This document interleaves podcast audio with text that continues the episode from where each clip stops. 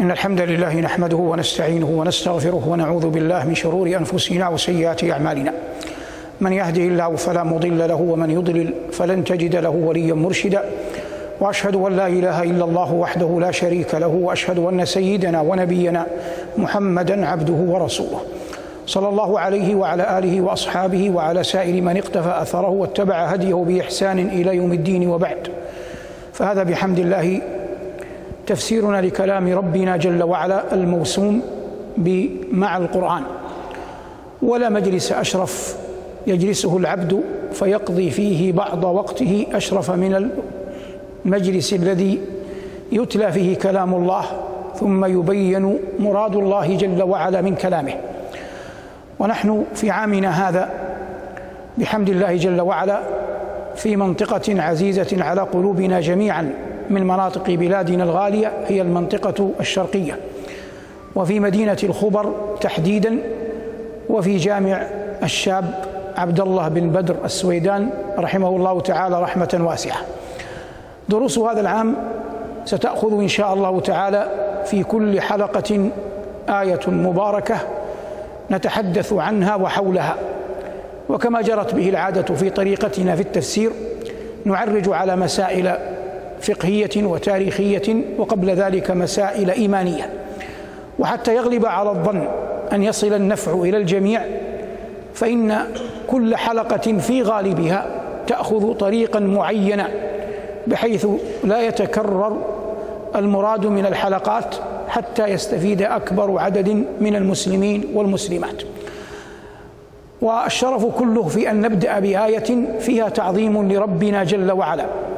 فعنوان لقاء اليوم وكان عرشه على الماء. قال الله عز وجل في سورة هود وهو الذي خلق السماوات والأرض في ستة أيام وكان عرشه على الماء ليبلوكم أيكم أحسن عملا. ولئن قلت إنكم مبعوثون من بعد الموت ليقولن الذين كفروا إن هذا إلا سحر مبين. الجزء من الآية الذي سنتحدث عنه قول الله جل وعلا وكان عرشه على الماء. الله جل وعلا في كتابه العظيم ذكر عروشا لعباده للمخلوقين. فقال عن الصديق يوسف ورفع أبويه على على العرش ولم يكن يوسف إماما أعظم لم يكن يوسف إماما أعظم وإنما كان مسؤولا عن خزائن الأرض. وذكر الله عز وجل عرش ملكة سبأ قال المؤرخون إن اسمها بلقيس. قال الله حكاية عن الهدهد أحط بما لم تحط به وجئتك من سبأ بنبأ يقين إني وجدت امرأة تملكهم وأوتيت من كل شيء ولها عرش عظيم. فأثبت الله عز وجل عروشا لبعض عباده للمخلوقين. وعرش المخلوقين مكافئ لهم هم مخلوقون وعروشهم مخلوقة مكافئة لهم. وهؤلاء المخلوقون أحوج ما يكونون إلى إلى عروشهم أحوج ما يكونون إلى عروشهم. فالعرش يطلق على السرير الذي يجلسون عليه ويطلق جملة على من حول العرش من الخدم والجند والأحراس الذين يحرسون الحاكم يحرسون الأمير يحرسون الوزير يحرسون الخليفة يحرسون هذا المعظم من الخلق الجالس على العرش. لكن الله جل وعلا خلق العرش فالعرش مخلوق. لكن الله جل وعلا مستغن كل الغنى عن العرش ومستغن كل الغنى عمن يحمل العرش وعمن حول العرش وعن كل أحد. ولا يقف الأمر عند هذا الحد بل إن العرش وحملته ومن حوله وسائر وسائر الخلق كلهم فقراء إلى من فقراء إلى الله. على أن القرآن دل على أن العرش أعظم المخلوقات وأنزهها طهرا. فلما يقول رب العزة وهو رب العرش العظيم يفهم من باب أولى أن الله جل وعلا لما كان ربا للعرش فهو رب لغير العرش من باب من باب أولى لأن العرش سقف المخلوقات وأعظمها وأجلها على الإطلاق. ولذلك استحق بفضل الله وبقدر الله أن يستوي الله جل وعلا عليه. قال رب العزة عن ذاته العلية الرحمن على العرش استوى. وهذا الاستواء استواء يليق بجلاله وعظمته. فنحن نعلم يقينا كما قال الأخيار من أسلافنا أن الاستواء معلوم. لما معلوم؟ لأن الله أخبر عنه. ربنا يقول الرحمن على العرش استوى.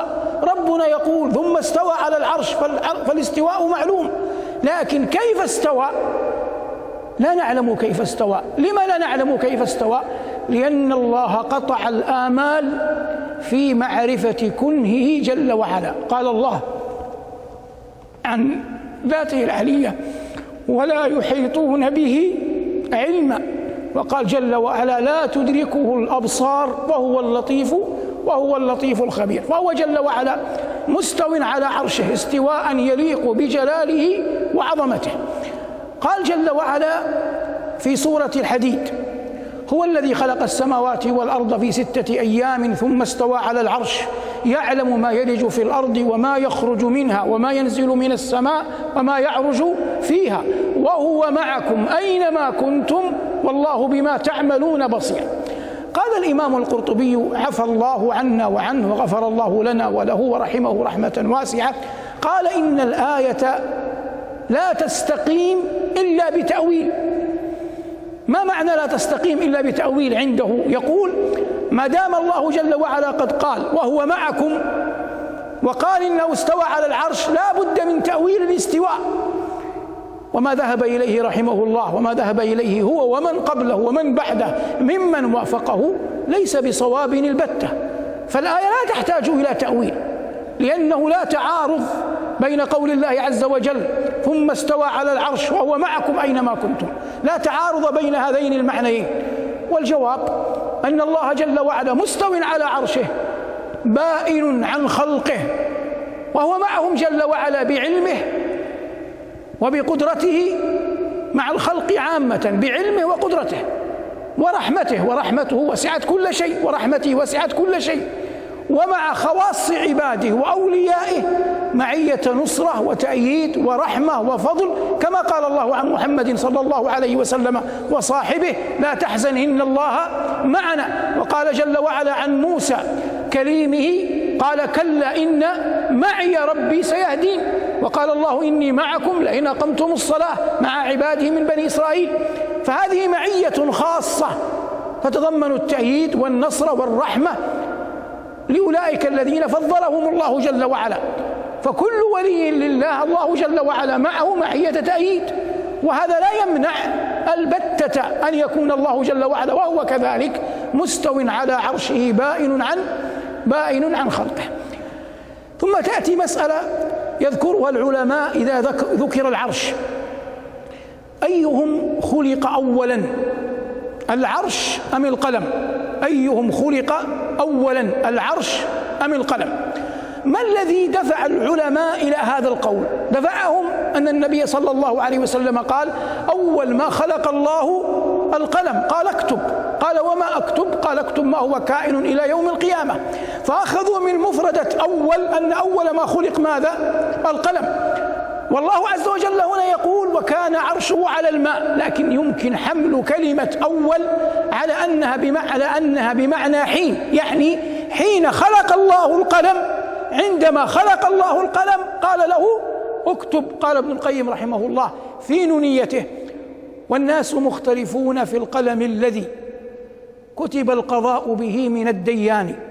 هل كان قبل العرش أو هو بعده قولان عند أبي العلا الهمداني والحق أن العرش قبل لأنه حين الكتابة كان ذا أركان. هذه ثلاثة أبيات من نونية ابن القيم. نأتي الآن لبيان الأبيات حتى يفهم مقصوده رحمه الله. يقول والناس مختلفون. قال الناس هذا يسمى عام أريد به الخاص لأن ليس كل الناس يعلم هذه القضية وإنما أراد العلماء الذين تكلموا في هذه القضية. والناس مختلفون في القلم الذي كتب القضاء به من الديان. والمعنى أن الناس العلماء يقرون إجماعا أن الله عز وجل خلق القلم وقال له اكتب فوجود القلم لا ارتياب فيه. والناس مختلفون في القلم الذي خط القضاء به من الديان. الديان اسم من أسماء الله الحسنى. هل هذا استفهام؟ هل كان قبل العرش؟ أي هل كان القلم قبل العرش؟ أو هو بعده؟ قولان عند أبي العلا الهمداني. أبو العلاء الهمداني إمام من أئمة المسلمين حنبلي المذهب عرف بالسنة من علماء المسلمين. أي أنه كان يرى أن في المسألة قولين. قولان عند أبي العلا الحمداني. يعني منهم من قال إن العرش قبل ومنهم من قال إن القلم قبل. ثم قال رحمه الله ابن القيم قال والحق الحق عند من؟ اجيبوا عند ابن القيم. فقد توافقه قد تخالفه. فعندما يقول عالم من العلماء والحق أو الراجح هو يتكلم عن ماذا؟ عن عن نفسه. فلا يلزم أن يكون قوله صوابا. قال والحق أن العرش قبل لأنه عند الكتابة كان ذا أركان. ابن القيم يقول إن العرش كان موجودا ذا أركان عندما أمر الله خلق الله القلم وأمره أن يكتب. وما قاله ابن القيم في ظننا هو الحق وأن ترجيح ابن القيم هنا صواب. والدليل عليه أن النبي صلى الله عليه وسلم كما صح عنه صلوات الله وسلامه عليه. جاءه وفد من بني تميم. فقال يا بني تميم اقبلوا البشرى. قالوا بشرتنا فأعطينا. قالوها مرتين بشرتنا فأعطنا سكت عنه. فدخل ناس من أهل اليمن. فقال صلى الله عليه وسلم يا أهل اليمن اقبلوا البشرى إذ لم يقبلها بنو تميم. وأهل اليمن أرق أفئدة ألين قلوبا قالوا قد قبلناها ولم يشترطوا.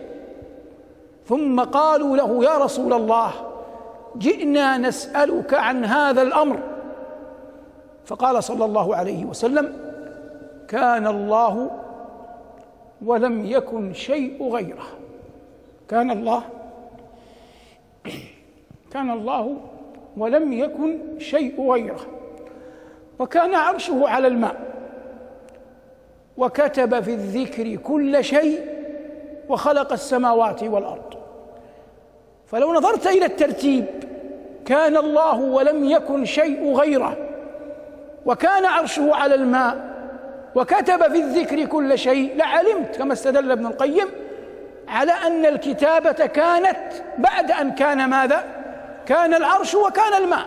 فالماء والعرش كلاهما مخلوقان قبل أن يخلق القلم. لأن القلم خلقه وكتابته مرتبطة بالعالم الدنيوي لها تعلق بحياة الجن والإنس.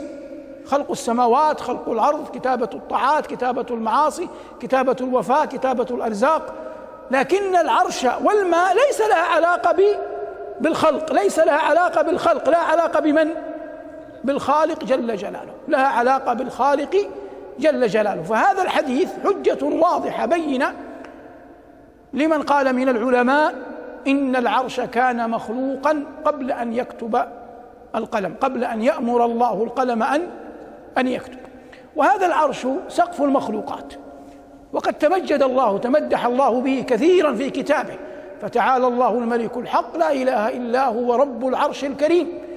وقال جل وعلا ذو العرش المجيد والآيات في هذا أكثر من أن تحصر. بمعنى أنها مستفيضة لا انها ليست معدودة فالقرآن كله معدود. هذا من وجه. من وجه آخر يتعلق السجود غالبا في الأحاديث بالعرش. فإن النبي صلى الله عليه وسلم لما ذكر الشمس وطلوعها من مغربها قال أنها كل يوم تشرق ثم تسجد عين عند العرش. والله أعلم بكيفية سجودها. ونبينا صلى الله عليه وسلم في حديث الشفاعة يسجد عين عند عند العرش. ولما ذكر النبي صلى الله عليه وسلم البعث والنشور قال فأكون تحدث عن نفسه عليه الصلاة والسلام فأكون أول من يفيق فأرى موسى اخذا بقوائم العرش فلا أدري أفاق قبلي أم جوزي بصعقة الطور. وهذا يدل على أن للعرش قوائم.